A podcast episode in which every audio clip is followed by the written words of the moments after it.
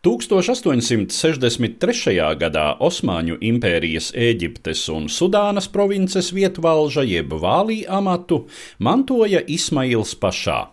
Lai arī nomināli Ēģipte un Sudāna joprojām bija sultāna impērijas daļa, faktiski turienes vietvalži jau kopš 19. gadsimta sākuma kļuva neatkarīgi, vairāk kārt pat karoja pret metropoli un savā politikā orientējās drīzāk uz Parīzi un Londonu nekā uz Stambulu.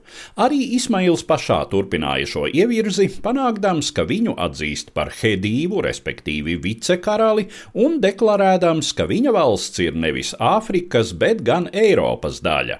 Valdnieka veicināta modernizācija skāra visas dzīves jomas, un viena no tās izpausmēm bija arī Kairas hedīva opernama atklāšana 1869. gadā. Pirmo opernamu Āfrikas kontinentā projektēja bija itāliešu izcelsmes arhitekts Pietro Avoskani, un tā atklāšanai Hedijus Ismails pasūtīja jaunu operu vienam no tā laika izcilākajiem komponistiem Giuseppem Verdi. Tā tappa opera Aida, nereti uzlūkota kā augstākā virsotne itāliešu operas ģēnija radošajā mantojumā. Operas sižetam tā autors Antonio Gislanconi licis risināties senajā Eģiptē, un dekorāciju, kostīmu un rekvizītu izveidei tika piesaistīts viens no tā laika ievērojamākajiem sen eģiptiešu vēstures speciālistiem - franču arheologs Augusts Mariets.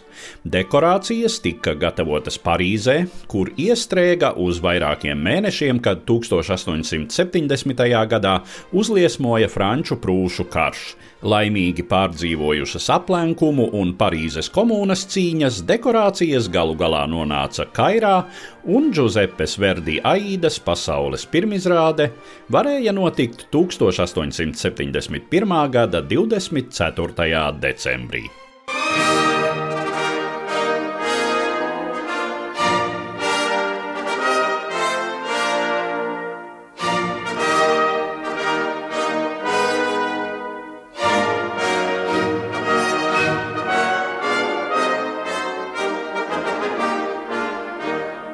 Operas sižeta norises laiks iecerēts kā Eģiptes senās valsts jeb piramīdu laikmets, trešā gadu tūkstoša pirms mūsu ēras otrā puse.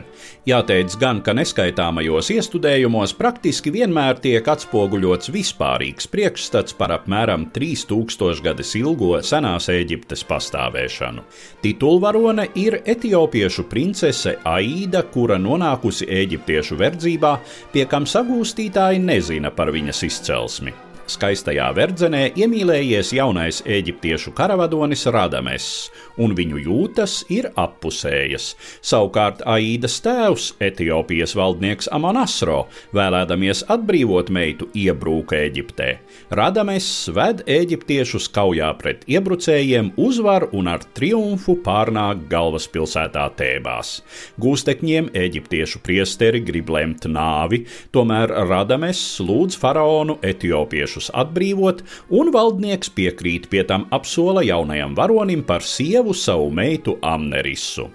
Radames nu ir neapskaužamā situācijā. Atteikt valdniekam nedrīkst, taču sirds diktē citu. Radames un Aida plāno bēgt tuksnesī, bet starp atbrīvotajiem gūstekņiem ir arī valdnieks Amonasro, kuram izdevies noslēpt savu patieso identitāti. Tagad tēvs pierunā meitu, lai viņa izdibina no mīļotā viņa komandēto eģiptiešu spēku atrašanās vietu. Aida ir smagas izvēles priekšā, kur vienā svaru kausā ir mīļotā liktenis, otrā uzticība tēvam un dzimtenei. Amonasro slepus noklausās Aidas un Radamesas sarunu, pēc tam sevi atklāja, taču trijotnes tikšanos pamana arī Amnerisa. Viņa saceļ trauksmi, tēvs un meita aizmūg, bet Radames Nests padodas sargiem. Par spīti Amnerisas izmisīgajiem lūgumiem, jaunajam karavadonim spriež nāvi kā nodevējam.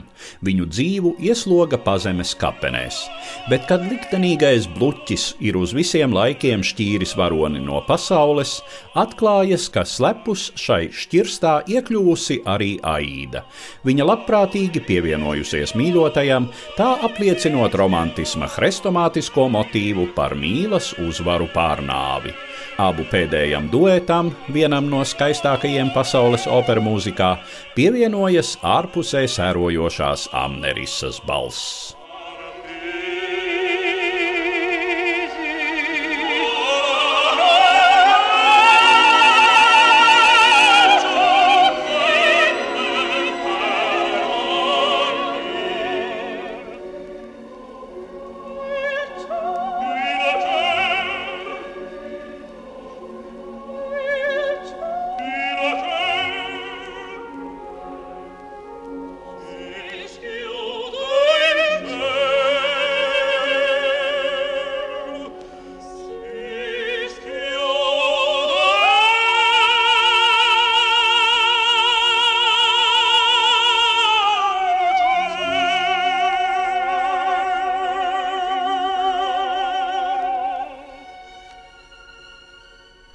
Stāstīja Eduards Liniņš.